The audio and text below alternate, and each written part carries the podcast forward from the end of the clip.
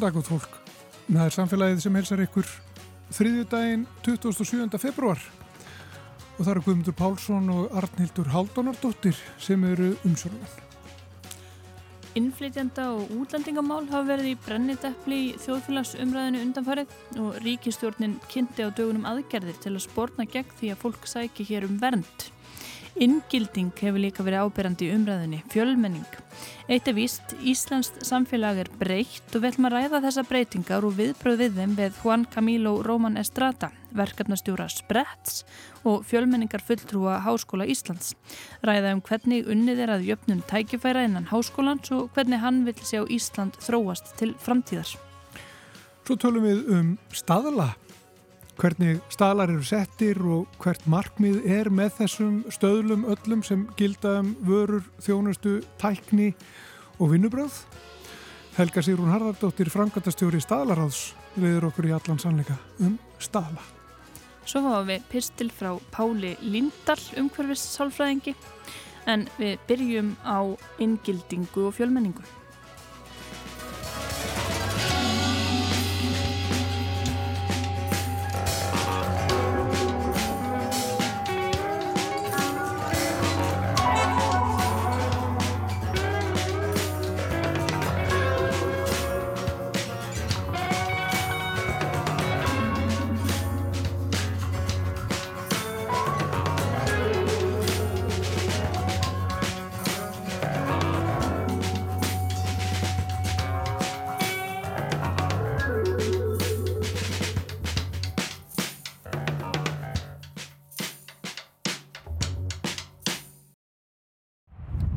Komin hingað í umleipingaveðrunu í Setberg í Háskóla Íslands. Þetta er hús kennslunar, stendur hérna.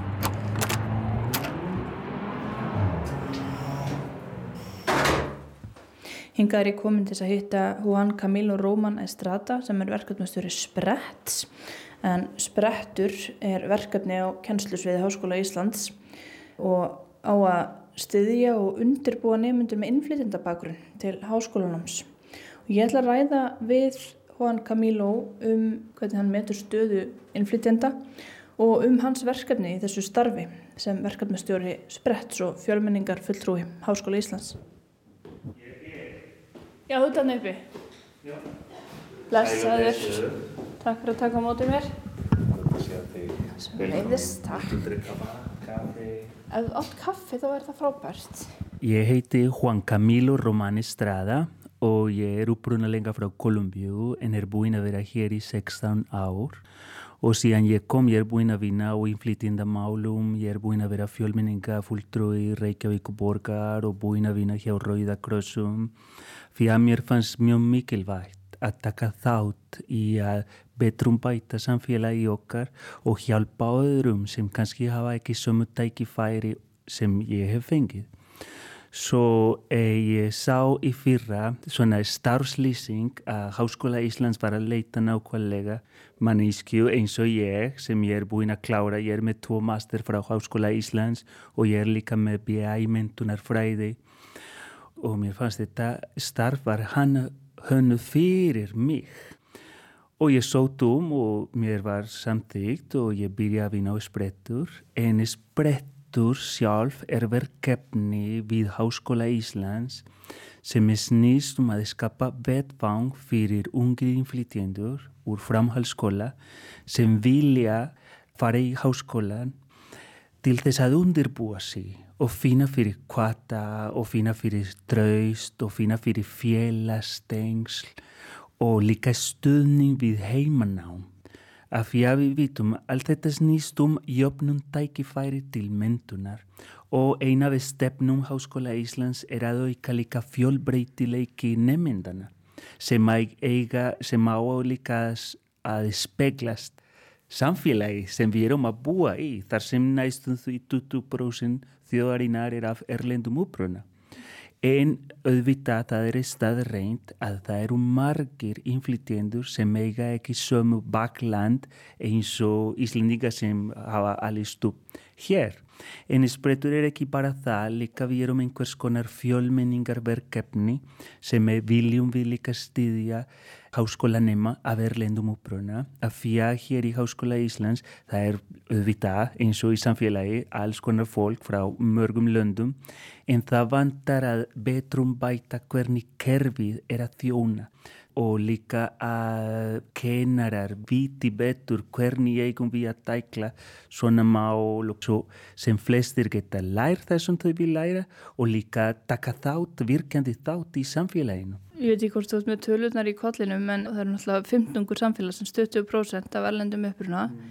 Er, eru krakkar með innflytjandabakgrunn eða ungt fólk að skila sér inn í háskólan í einhverjum mæli og samanborðið við fólk sem er af íslenskum uppruna? E, það eru margar rannsóknir og vísbendir sem sína að innflytjenda hópa það er mikið áhætta og það eru margir sem eru í bröttfall og hætta í skólanum, klára ekki framhaldsskóla og sækjast ekki eftir háskóla nema fáir í samanbörð með hversu margir eru og það eru marga vísvendir sem sína til dæmis að það vantar bakland, margir eiga ekki vinnir, íslensku kunáttu er líka mikil áskorun. Það var einn kennari sem var að lýsa þetta eins og The Icelandic Paradox af því að við viljum að mentakerfi sé opið og þjóna marga en á sama tíma áherslu er að þessi einstaklings árangur og þú þarf að keppa með öðrum og, og það er svo mikið árangursreik higgja sem hindrar að við vinum saman í að betrum bæta stöðuna allara. Svo í raun og veru eins og staðan er í dag það er minni hluta sem eru að, nýta sig tækifæri í, Háskóla Íslands og til dæmis það vantar að betrum bæta íslensku sem annar mál sem ég mæli með, þetta er mjög góð námsbraut eins og er en það vantar að gera aðeins betra svona að sérsmíða kennsluna svo við erum ekki bara að taka marka að þjálfa fólki að læra íslensku fullkomlega eins og sérfræðingar á íslensku frekar að hvernig nýtum við íslenskuna í daglegu lífi og fyrir starfi þeirra og fyrir kannski þessa fag sem fólk vil eh, hæfa sig í. Það er en þá margt fólk, sérstaklega konur af erlendum uppruna sem eru að vinna á láglaunuðustu störfum en samt þau eru með hæfi og það er ekki búin að samræmast þetta eða betrum bæta stöðuna. Við þurfum að fólk sem er með hæfi verður á síni stað. Við þurfum líka fólk að vera lendum uppruna í aðeins hæri stöðu í fyrirtækjum og í kerfinu og í ríki og í samfélagi og þetta er okkar áskorun og alltaf er þessi spurning hvers konar Ísland okkur langar að sjá eftir 10 ár, eftir 20 ár.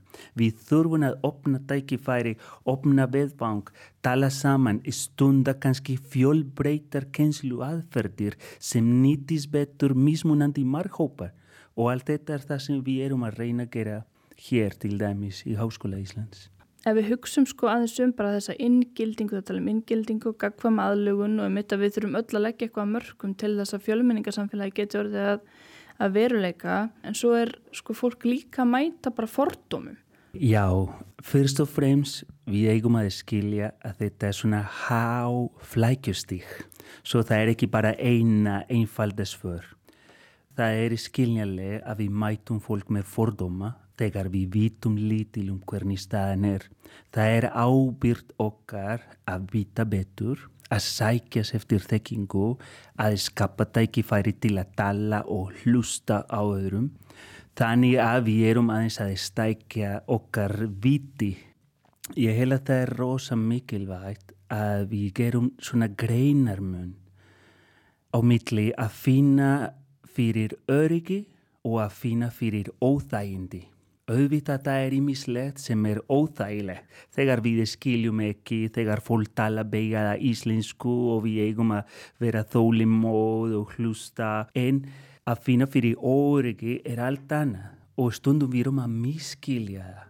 Já, og ég hel að við eigum að setjast með óþæginda til þess að þróskast. Þetta er partur að vera fullordin horfa í sín eigin varm og hvernig er ég að mæta þetta, er ég að mæta þetta með fordóma, nota gaggrina hugsun, líka vera málsvari? Þegar við erum í matarbót og við heyrum einhverjir að tala með fordóma, reynum að gaggrina og reynum að taka vel á móti gaggrinu sem eru uppbyggjandi. Það er búin að sína og hagstof er að sína það innflytjendur eru að gefa rosalega mikið fyrir þjóðina, fyrir lífsgæði okkar allara. Það er fullt af fólki sem er að vinna rosa mikið auðvitað það kemur alls konar áskoranir og líka það eru, ég mynda mér, það er alls konar hópar og hópar sem kannski vil ekki vinna eins mikið eða eru líka í að vinna í einhvers konar áfall sem þurfa líka meðferð, sem þurfa aðstóð og alls konar. Svo við eigum er, finnst mér, fyrst og fremst að setjast með óþæginda, að tala saman að finna út lausnir sem virka fyrir okkur öll og líka viðurkenna það góða sem kemur með og sem fólk er að koma með. Þekkingu, nýja þekkingu eh, alls konar sjónarhört, matar menningu er búin að betrum bæta okkar lífið rosa mikið tónlistar, alls konar.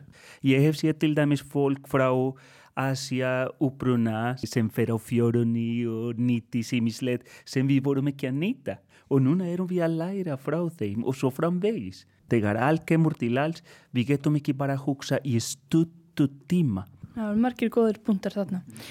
Þið hafi verið svolítið líka í spretti með ymsa fjölminningar viðbyrðu og, og smiðjur og, og núna um daginn voru jafnbreytistagar og þá voru þið með leiklistasmiðju það sem þið voruð að taka á hvítum forréttundum og rasisma. Uh, ertu til í að segja mér aðeins frá því hvað kom út úr því? E, já, margmið með þessi leiklístasmiðja og málstofu um hvít forréttindi og rasisma er að við erum með alls konar fordóma og við þurfum að stæka okkar orðaforða okkar skilning af svona málefni til að nálgast hluti betur og skilja betur um hvað þetta snýst. Af því að oftast við teljum að einhver sé rasisti en í raun og veru oftast rasisma er ekki tilvík. Þetta er meira kerfisbundin og sem er út um allt og sem við fötum ekki einu sinni hvernig við erum að stýðja og stunda þessu. Svo við eigum að nota gaggrina hugsun og horfa inn í okkur og byrja að upplifa hvernig erum við að taka þátt í svona kerfisbundin rasisma. Já, og marmið með leiklistasmiðja sem á einsku heitir Theater of the Oppressed. Þetta var þróa eins og keinslu aðferð sem var sérstaklega hönnu til að skoða félagslega vandamál frá innan fólkinu sjálf. Hvernig gætum við sett okkur í spóranara skoða aðeins tilfinningar og mismunandi leiðir til að leysa málum.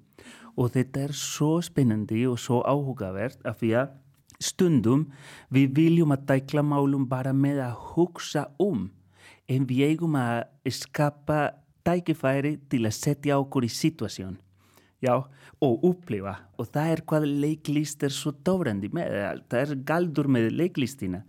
Á íslensku væri einhvers konar leikhús hína kúaða. Við getum setja upp senur sem hjálpa okkur að skoða þessu trúblanir og vandamál frá botnin ekki frá uppi einhver sérfræðingur að lýsa okkur frekar frá botni fólk sem er að upplifa þetta og síðan við viðkomendur og fólk sem langar að læra við getum farið inn í senuna og taka þátt og leika okkur og setja okkur í sporanara og byrja, það kemur alls konar poppar upp Og varðandi ingildingu sem þú varst að spyrja líka er, mér finnst það mjög mikilvægt að það sé líka íslensku orð núna sem við margir fýla ekki einn en þetta er nöðsilegt en við vitum að ingildingu er leið til gagkvæm aðlögun En okkar markmið er gagkvæm aðlögun sem heitir integration sem snýst ekki bara að við inflytjendum högum okkur eins og Íslendinga, frekar að við Íslendinga og inflytjendur og allir sem búa hér finnum leiðir til að búa vel saman.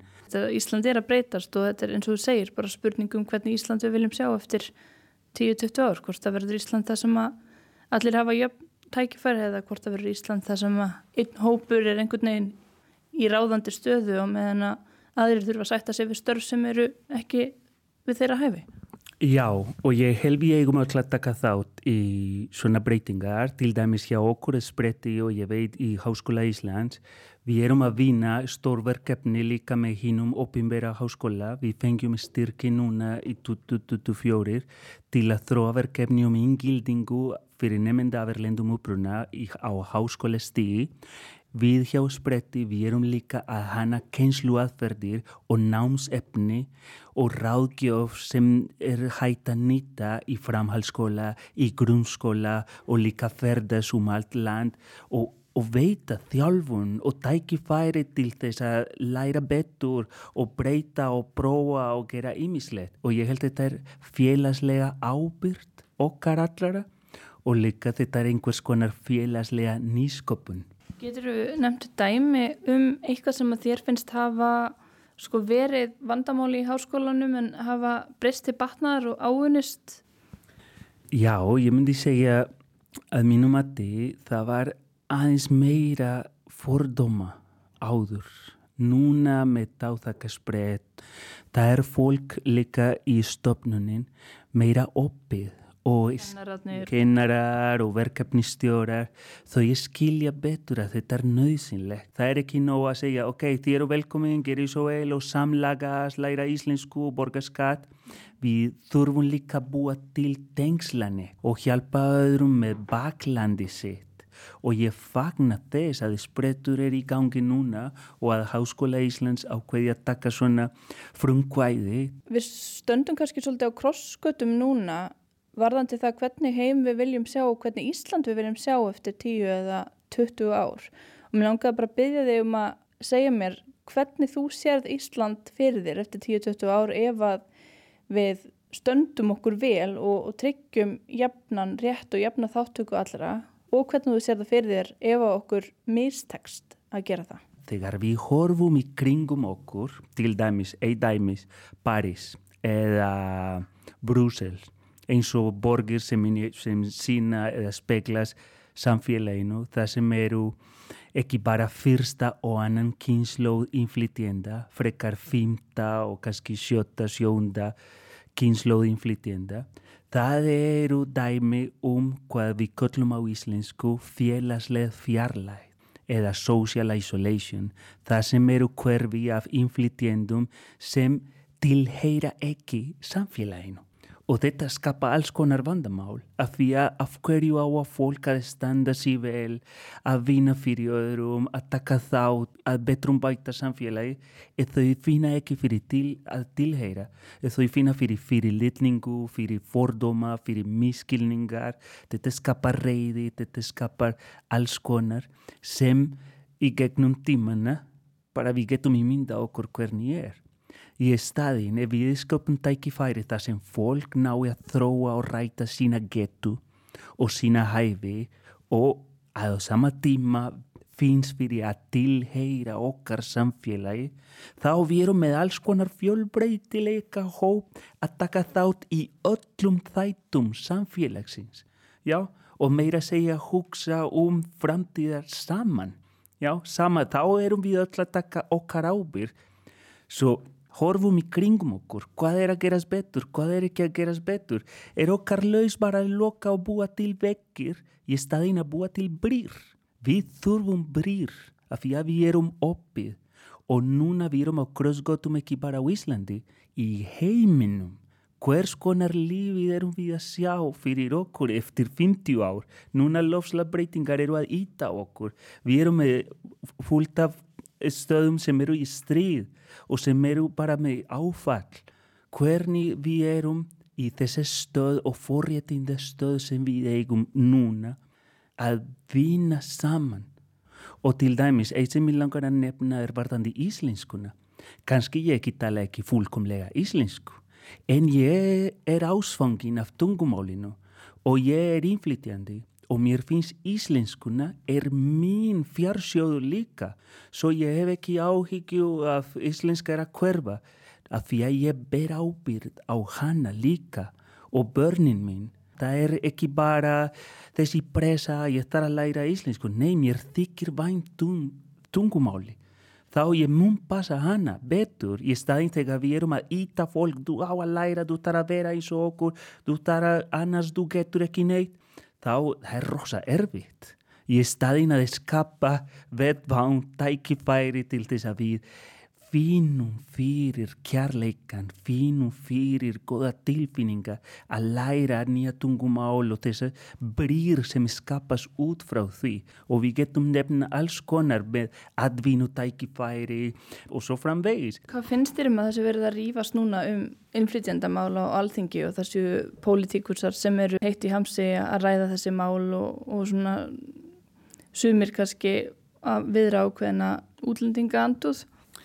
E, mér finnst það er auðvitað erfitt og eins og ég var að segja þetta er óþægilegt af því að margi vilja halda áfram með sína eins svona bublu og lífsgæði og hagnaði og svo framvegis og það er alls konar áskoranir.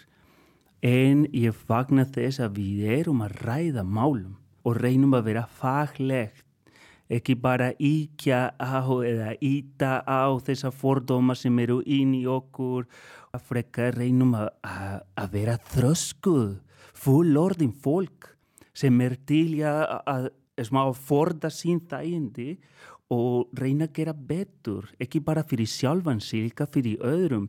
Þetta snýst ekki um bara fólk sem er að standa sér vel og er að græja svo mikið penning. Þetta snýst um fólk sem þarf aðstöð og líka fólk sem er að gefa svona mikið og er ekki að fá sama tilbaka, eins og fólk sem er að vinna á laununustu störfum. Hugsun með hjartanum, hvað erum við að gera og hvers konar land okkur langar að búa í? Og ég held við munum gera betur ef við náum að vina saman og spjalla saman á mannamáli. Takk fyrir þetta, Juan Camilo Róman Estrada, fjölminningar fulltrúi og verkefnastjóri Spretts í Hárskólanu. Takk fyrir.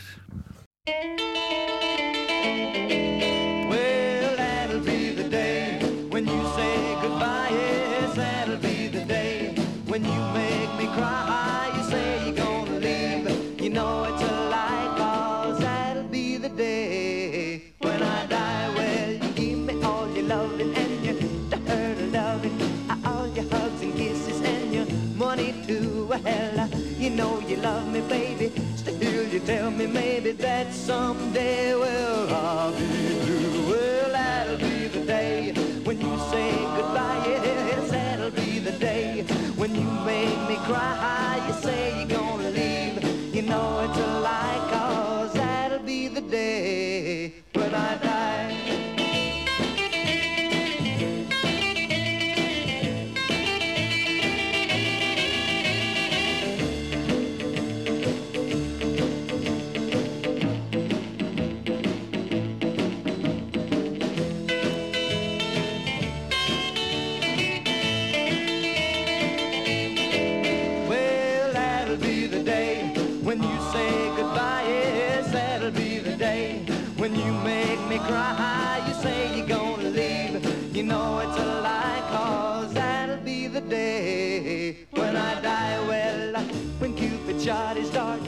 shot it at your heart.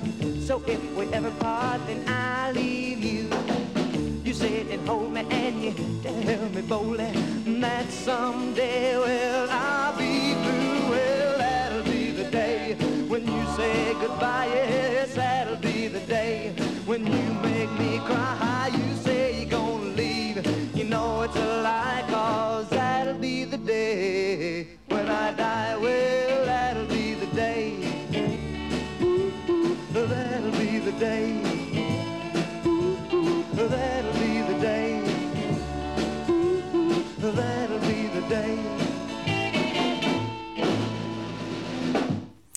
Þetta er Buddy Holly, That'll Be The Day, heitir leið.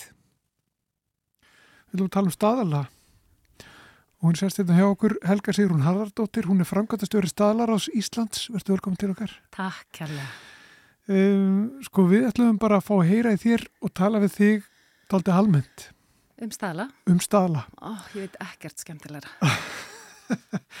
Og staðalar séu daldið, já maður getur sagt kannski, þetta er daldið niðunjörfað uh, hvernig þeir virka og hver tilgangu þeirra er. Það er eiginlega til þess að uh, geta fókusa svolítið þröngt, er það ekki, í rauninni?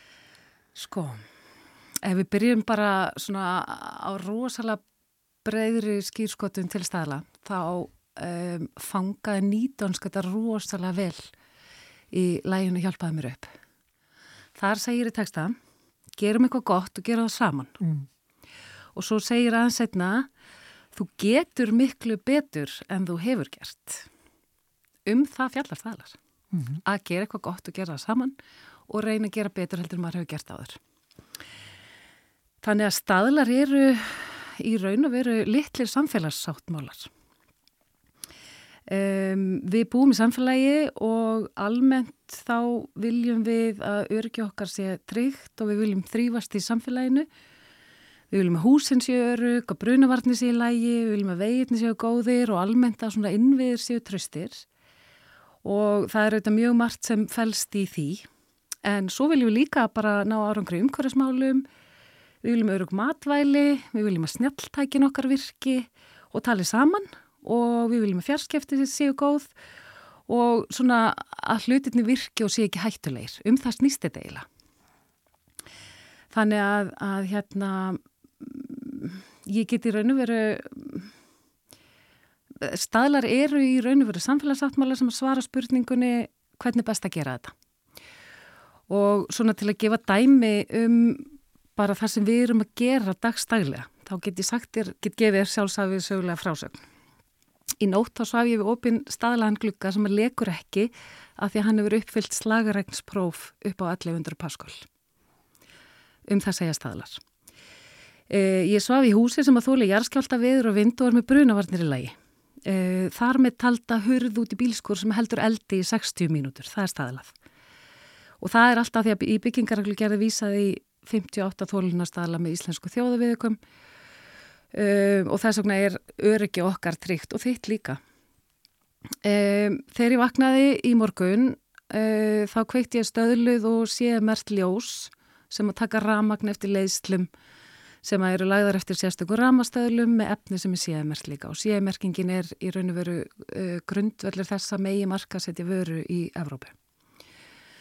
Nú ég tók fram staðlaða séðmertað ramastambustan minn, séðmertað tankremið og skrúaði frá staðlaða blöndunutækinu sem að útvega mér ískallt íslenskt vatn sem að rennur eftir stöðluðum pípum alla leið og nú reyngur á vassbólunu. Ég fór fram og kveikti á séðmertu kaffivélni minni, drakk kaffi sem framleitir undir merkjum staðlaðar, staðlaðar samfélagsábyrðar, tók fram síman minn og skoðaði fréttir sem að bárast til mín eftir stöðluðu fjarskiptakerfi Um, heimasýður fréttamiðlanar settar upp eftir stöðluðu aðgengisviðmóti og svo fór ég að vinna í tölfunni þar sem ég er með mús og liklaborð og prentara og skjái og hlæðslisnúrur og alls konar, þetta er allt semert. Þetta byggir allt á stöðlum. Nú ég átti fund klukkan tíu í morgun á Zoom sem að margir kannast við sem að uh, hugbúnaðurinn er, er sagt, um, staðlaður, hann kann að tala við alls konar önnu kerfi og þá gæti ég tala við aðra fundamenn sem að voru stattir bæði í Svíþjóð og Sviss. Nú, þegar þessum fundi lauk, þá klætti ég mér út í föttin sem kom í staðlegum starðum, uh, slögti ljósin í appinu í símanni mínum sem að tala við Bluetooth viðmót, læsti húsinu mínu með staðlæri 3.8 skrá og kom svo akandi hingað á fundi þín á bíl sem er nettengdur og GPS-teknin er eitt liður í stöðlun. Á staðlæri dekkjastarð sem er gott, þá veitum við hvað við þurfum að kaupa. Og hann getur bæði left mér að hlusta á gamlan skólabróður sem er sittur hérna í næsta herbyggi, Dota Littla á Rást 2. Hann er reyndar ekki mjög staðlæður. Og bílinn getur spila fyrir mig uh, tónlist af Spotify að því að það er búið að staðla við móti og þetta talar allt saman. Um, ég ókæfti stöðlu vegakerfi með stöðlu um umferðamerkjum og ljósum Ég lagði staðla bílastæði hér fyrir utan sem var reynda mjög erfitt að finna. Mm.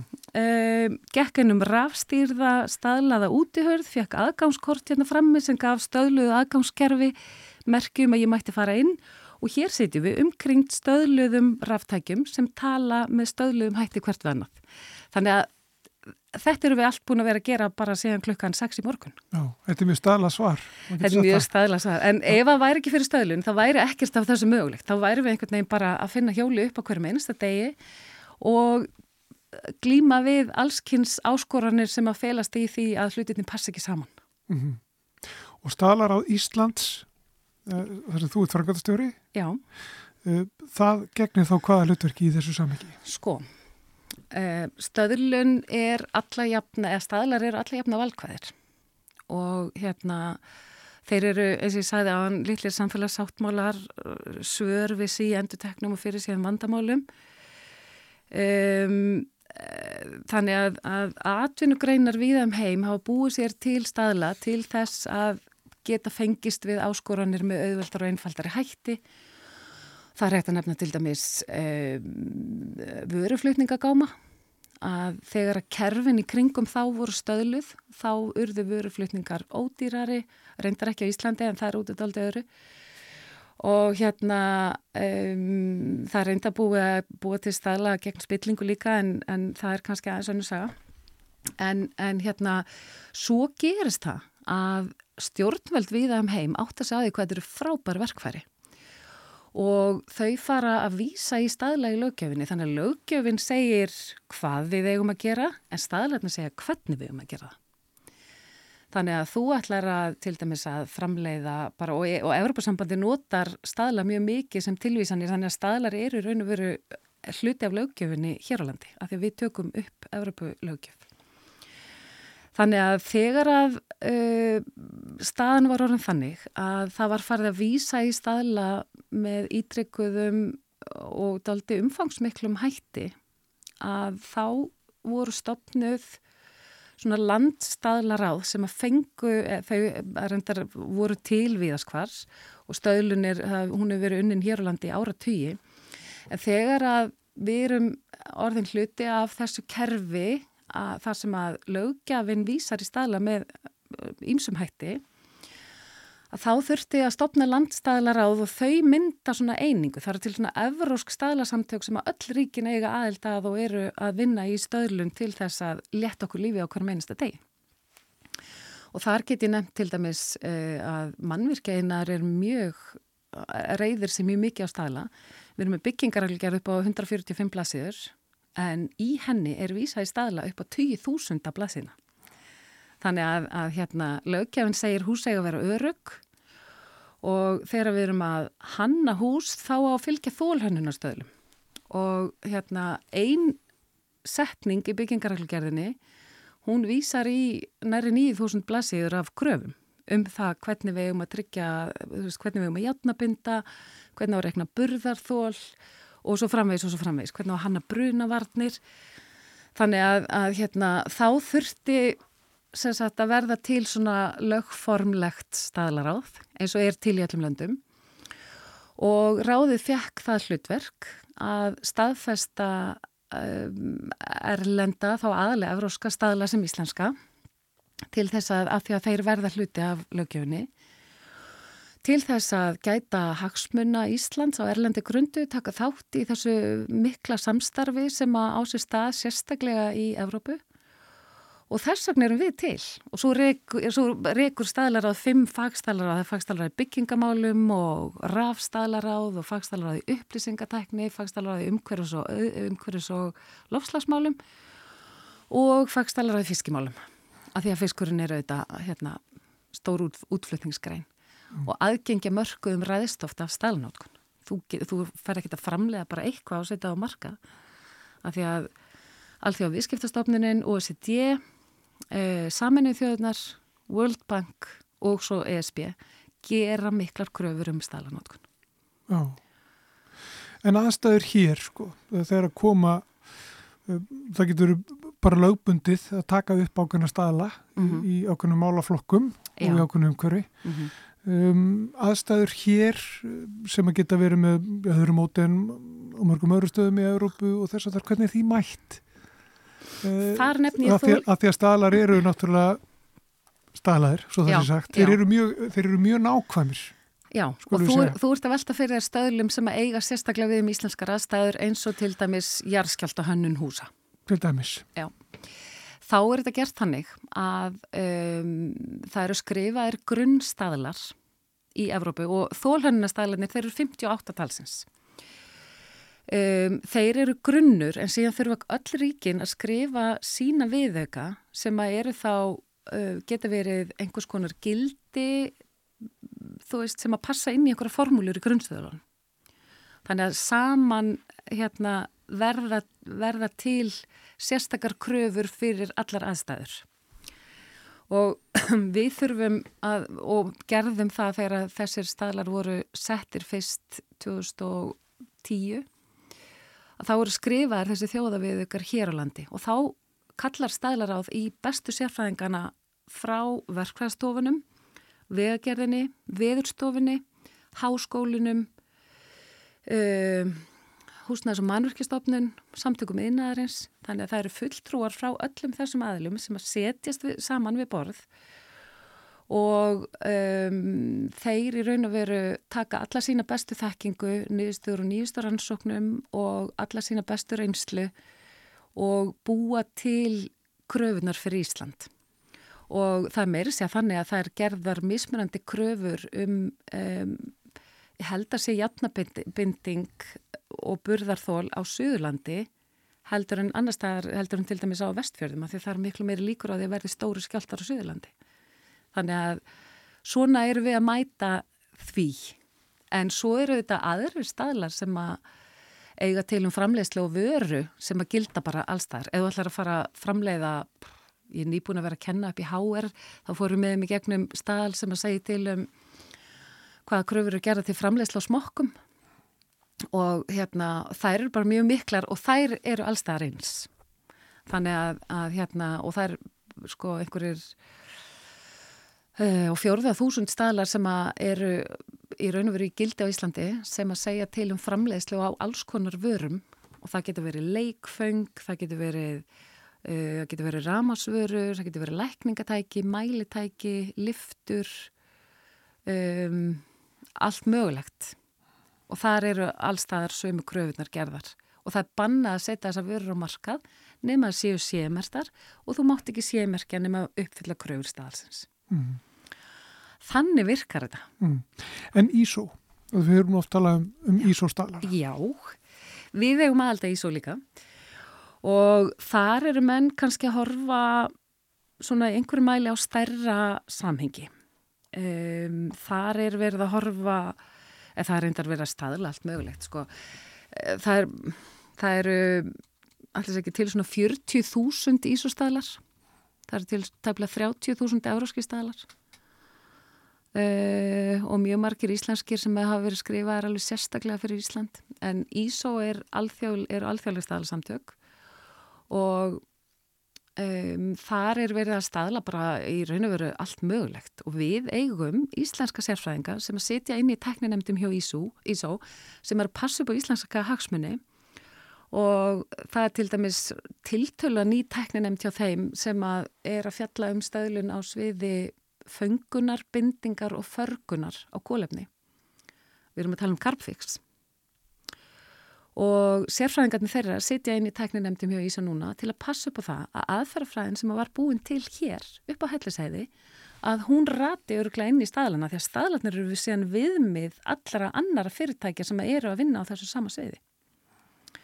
Svo leiðis að, að hérna, það er rosalega mikilvægt að taka þátt í þessu starfi líka bæði hérna einanlands og heima vegna þess að með því passum við upp á íslenska hagsmunni, við passum upp á okkar samkeppnishefni og, og eh, við verðum að tryggja það að þar sem að miklu hagsmunir er í húfi þar höfum við eitthvað að segja og farvegurinn fyrir það er gegnum staðlastarf. Já. Hvernig hefur þetta sko um, já, hvernig hafa staðlar þróast sko, hvernig sjáum við bara framtíðina í þessum málum? Erum er, er, við að horfa meiri sjálfvirkni til dæmis og þess að það? Já, sko, um, hér á árum áður, fyrir einhverjum áratugum síðan, þá var stöðlun uh, snýrist mjög mikið um allskynstækni og útfæslatækni. Um, það sem hefur gerst í auknum mæli á undanförnum árum er að menn eru farin að staðla ímislegt annað eins og til dæmi stjórnunarkerfi staðla gegn spillingu. Það er bara til stjórnunarkerfi staðla um það hvernig farið er með málefni uppljóstrara, Julian Assange. Skilur þau? Það er bara til stjórnunarkerfi, svo bara er það ekki lögbundið, það er valkvægt, en ef að menn vilja fylgja því, þá er það til staðar. Um, mannréttindi, það er verið að smíða kerfi kringum þau e, þannig að við erum að sko staðlert er að taka yfir sífælt breyðar og breyðara svið um, núna er að því að staðlar eru stundum undanfari lögjafar núna eru menn svolítið að horfa á gerfugrændina og það er búið að skrifa nokkra staðla um gerfugrænd þannig að ef að þú ert að búa til ekkurt segjum bara barnaleikfang sem að byggja á gerfugrænd þá þarftu að áhættu meta, þá þarf að hérna, meta hvaða áhrif þessi tækni hefur á börnin sem eiga að nota leikfengin. Við viljum að sjálfsögðu ekki bjóða þeim upp á hvað sem er, þannig að það er alls konar siðfræðilega álita efni þarna inni. Að, að hérna, um, það, það er rosalega mikil þróun, það er mjög mikil eh, hérna, sem hefur verið að gerast í tengslu við lofslagsmál líka og margir stælar við mér að skrifum á Íslandi um, tæknifórskrift sem að fjallar um kólumsjöfnun. Það var nefnilega þannig fyrir, að þetta er einhvern veginn þannig komundur, ef við sjáum vandamálega vesen, þá ættu við að leita að stöðlum. Af því að þeir eru næstu því alltaf til og ef þeir eru ekki til, þá ættu við að hóa í alla hagsmunna aðelina og fá það til að setjast upp og segja hvernig ætlum við að leysa þetta vesen eða þetta vandamál og það kom upp fyrir cirka þremur árum að við vorum í samtali við lofslagsrað og í því samtali þá kemur fram að uh, grænþvottur er ábyrrandi um, í, í, í allskynns auglýsingum og þess að þar og þá voru hérna fyrirtæki sem að voru að auglýsa kóluminsjöfnin þegar þú fer að kaupa flugfargjald þá færðu tilbóð um að kólefnisjafna ferðina þeina. Eh, þegar þú tekur ólji eða bensín, þá færðu tilbóð um að kólefnisjafna það sem varst að setja tankin og svo framvegs. Og þessar fullirðingar standast ekki. Það að þú styrkir skórekt þegar þú kaupir þér flugfargjald er ekki kólefnisjafnin. Þannig að við Eh, í samstarfi láfslagsráð fengum til liðs við okkur eitthvað 30 og eitthvað fyrirtæki á Íslandi, fyrirtækjastofnanir og við settumst niður og við skrifum ramma. Við skilgreyndum hvað kólumsjöfnin er, við skilgreyndum hvað fyrirtæki þurfa að gera til þess að geta kólumsjöfna sig. Þau þurfa að byrja því að mæla út, útblásturinn með samræmdum hætti, stöðluðum. Þau þurfu að ráðast í mótvæðisaðgerðir, þau þurfu að draga úr lósun og þá situr eftir eitthvað þannig að það fara að gera alls konar áður hann að menn fara að kaupa sér vottaða kólmiseiningar. Svo eru fyrirtækin sem er að framlega vottuðu kólmiseiningarna sem þurfu að gera alls konar hluti líka og bæði fyrirtækin og, og lofslagsverkefnin þurfu að uppfylla kröfur í alþjóðlegum ísostöðlum og það er ekki fyrir að þau eru búin að gera alls konar hluti að þau geta mæsta markaði. Þannig að það að styrð, styðja við skórækt er ekki sjálfkrafa kólminsjöfnina því að þó að við plöntum einhverju tríi þá fyrir það ekki að binda kólefni fyrir en eftir einhverja ára tíi. Svo leiðis að, að hérna, þetta verkfæri til, það má nota það en það er ekki gerð grafa um það. Þannig að ennþá verðum við að sjá auglýsingar. En við vildum allavega skrifa ramman í kringum þetta mm. og hann er til. Svo leiðis að hérna neytendarstofa, hún má fara að skoða, skoða þann staðal. Já, einmitt. Ég heldur fyrir að ljúka þessu bara, þessu spjalli okkar um, um staðala. Um, veistu hvað eru margir staðlar í nótkunn á Íslandi? Ertu, getur þú sagt einhverja tölu? Sko, í byggingareglugerðinni einni er vísað í 750 til 800 staðla. Uh, það er mjög vís, víð að vísa til staðla í lögjöf og svo eru fyrirtæki að nota staðla til þess að eiga betri möguleika á því að komast á marka, til þess að ná meiri árangri, til þess að um, auka hagkvæmni, þannig að þeir hlaupa þúsundum. Þetta er svolítið þykku bungi. Þetta er þykku bungi. Þegar maður ætla að lesa sér í gegnum allar þessa stala. Já, ég er ekki vissin og ættir að gera það. Bara þess að þú þarst. Um þetta Helga Sigrun Harðardóttir, framkvæmdastjóri Staðlarás. Takk fyrir komuna í samfélagið. Takk sem leiðis.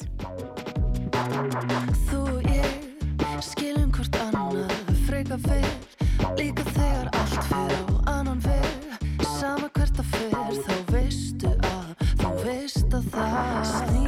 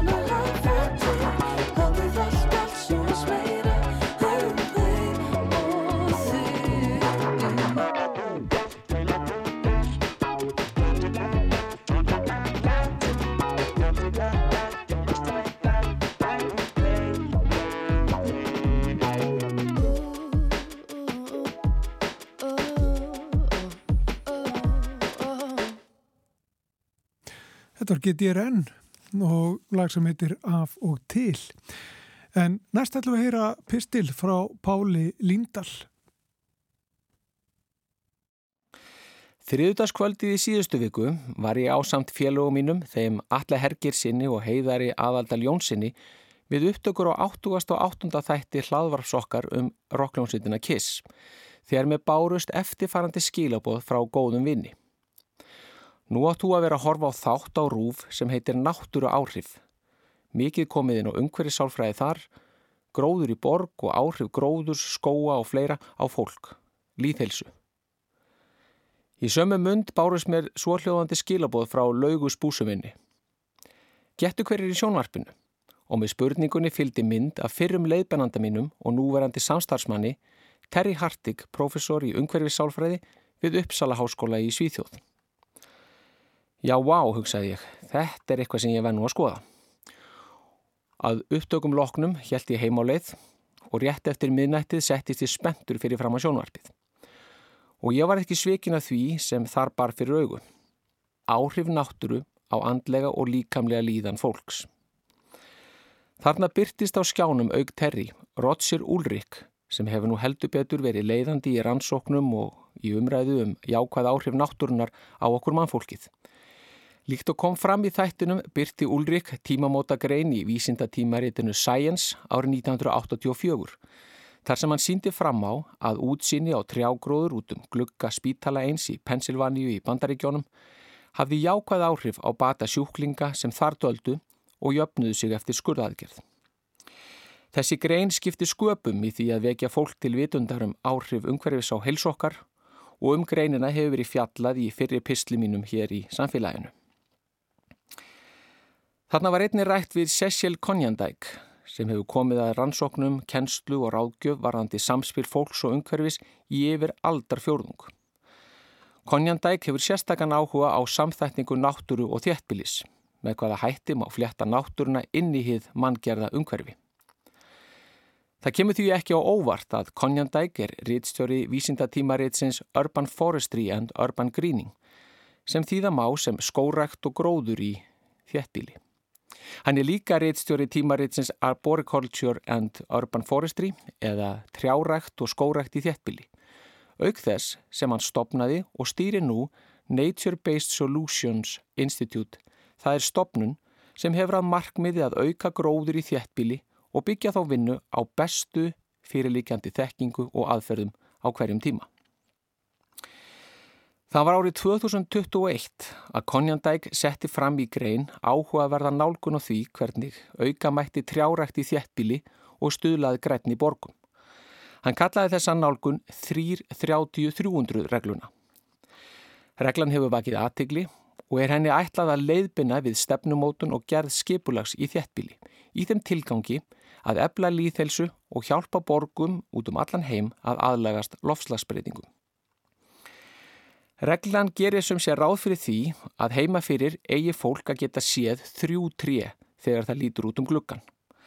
Að trjákrónur þeki að lámarki 30% af hverju einasta hverfi í borgum og að grænt almenningssveiði sé í innan við 300 metra fjarlað frá hverju einasta heimili, sem sé 3-30-300.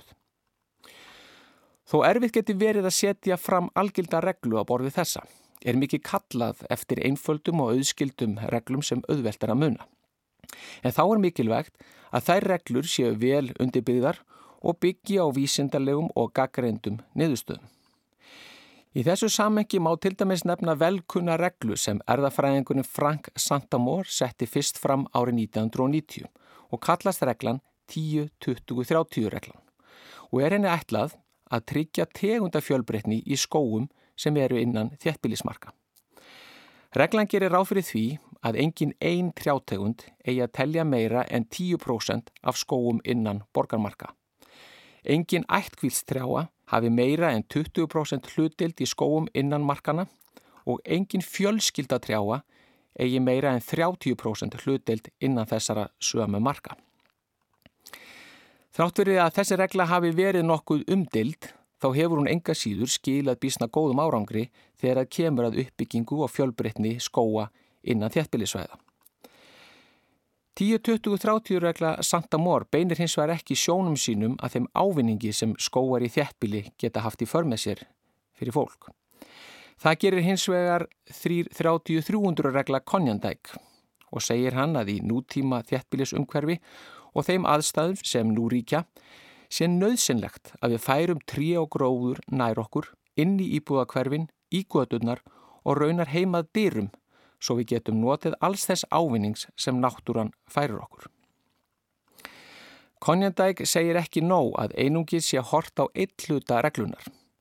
Það er til dæmis ekki nóg að borgariðuvöld horfi á að trjákrónur þeki 30% á borgarlandinu þegar á heldin er litið vegna þess að slíkt felur ekki nöðsynlega í sér að trjágróri sé dreift með jöfnum hætti um borgina. Þá er hætt við að jaðarsettir hópar eða tiltekinn hverfi hafi minna af trjám og gróðri en nöðsynlegt er. Konjandæk heldur áfram. Það er heldur ekki nóg að leggja allt undir í að byggja upp stóra og fína garda hingað og þangað um þéttbílið. Það sem skiptir mestu málu er að grænir innviður séu hluti á borgarlandslæginu og þá má ég finna allstaðar, næri heimilu okkar, vinnustad sem og á öðrum stöðum sem við leitum í í okkar daglega lífi. Náttúran þarf alltaf að vera nálag, alltaf í seilingar fjallægð og aðgengileg öllum, segir Konjandæk. Undir stöðum 3.30-300 reglunar má í stuttumáli lýsa með eftirfærandi hætti. Þegar við sjáum þrjú tré, þegar við horfum út um gluggan heima fyrir, mun það hafa jákvæð áhrif á andlega heilsokkar og líðan samkvæmt rannsóknum. Að sjá tríu út um gluggan hjálpar okkur að viðhalda tengslu við náttúruna og takt hennar. Náttúran hjálpar okkur jafnframt að hlaða batteríin í dagsins önn. Hún getur fyllt okkur andagift og aukið sköpunargáfuna. Í þessu samengi er líka nærtækt að rifja upp fyrrnemda spítala rannsók Roger Ulrik sem síndi fram á jákvæð heilsufarslega áhrif við það eitt að horfa á trjágróður út um glugga. Þá hafa rannsóknir sínt tengsl millir hlutfalls trjákróna og andlegar og líkamlegar hilsu. Í nýlegum rannsóknum Tómasar Astel Bört og samstarfsfólks hans við Háskólan í Wollongong í Ástralju hefur komið ljós mikilvægi þess að trjágróður þeki að minnstakosti 30% af borgarumhverjunu svo tryggja með jákvæðan heilsufarslegan ávinning fyrir íbúa. Meiri gróður í nánasta umhverfi virkar einnig sem kvartning til aukinar útiveru sem þá eigur tengst við þitt efnislega og félagslega umhverfi sem einnig hefur jákvæð áhrif. Margar rannsóknir hafa bent á mikilvægi þess að íbúar í þjettbíli hafi aðganga grænum svæðum í næsta nágrinni við heimili sitt. Alþjóða heilbríðismálastofnun segir fjarlæðina mest meg að vera 300 metra og að grænsvæði séu ekki minni en 1 hektari eða flatarmáli. Þetta fyrirkomulag er sagt hvetja fólk til að nýta grænu svæðin í þáu bættrar heilsu og aukinar velíðanar. Konjandæk segir mikilvægt að hönnun og skipulega græna svæða taki mið af staðböndnum aðstæðum. Þannig þurfi til dæmis að nálgast slík verkefni með ólíkum hætti í þjættri byggð en gisinni. En megin áherslan eigi að vera svo að tilverði hágæða grænt svæði sem dregur að sér ólíka hópa fólks hvetu til útiveru, hreyfingar, samskipta og uppbyggilegar upplifunar í aðlandi umhverfi. Þátturinn á rúf var áhugaverður og fyrir mig persónulega markaðan ákveðin tímamót því þarna gafst almenningi hérlendis kostur á að sjá og heyra færustu vísindamenn heims innan umhverfisálfræðinar ræða um áhrif umhverfis á heilsokkar. Fólk sem sagði frá mikilvægi þess að við hugum að umhverfi okkar okkur sjálfum til heilla. Eða eins og Erik Lamba, profesor við hinn belgíska Louva háskóla og við Stanford háskóla í Bandaríkjónum, sagði í lok þáttar. Í dag er áhugavert að sjá hvað líðhelsustefna snýst mikið um að hvetja til hotlari mataræðis, berjast gegn óhóflegri neyslu áfengis og tópaks en gefur tengslu við náttúruna sáralítinn gaum. Það er vettvangur sem lofar afar góðu og honum fylgir mikill ávinningur fyrir líðhelsustefnuna því heilbriðiskostnaður mun á endanum augljóslega minga. Hann vandi borið þennan boðskap út í hátt í 20 ár, var í heiminlifandi að sjá þennan þátt, náttúru áhrif og vita af öllu því fólki sem horfið á þáttin í sjónvarpinu. Svo mikið þótti mér um þetta allt saman að mér hreinlega vöknaði um augun. Takk í dag. Þetta er Páll Líndal, umhverju sálfræðingur sem sagði okkur þetta frá því hvernig honum vöknaði með augun. Já, maður það greinlega að horfa á hann þátt í mistaðunum. Já, ég mæli með honum. Svo það sé sagt. En lengra komist við ekki í samfélaginu þennan þriðjudaginn. Nei, við verðum hérna aftur á morgun. Guðmundur Pálsson og Arnildur Háldanadóttir. Þakka fyrir sig í dag. Heyrjumst á morgun. Verðið sæl.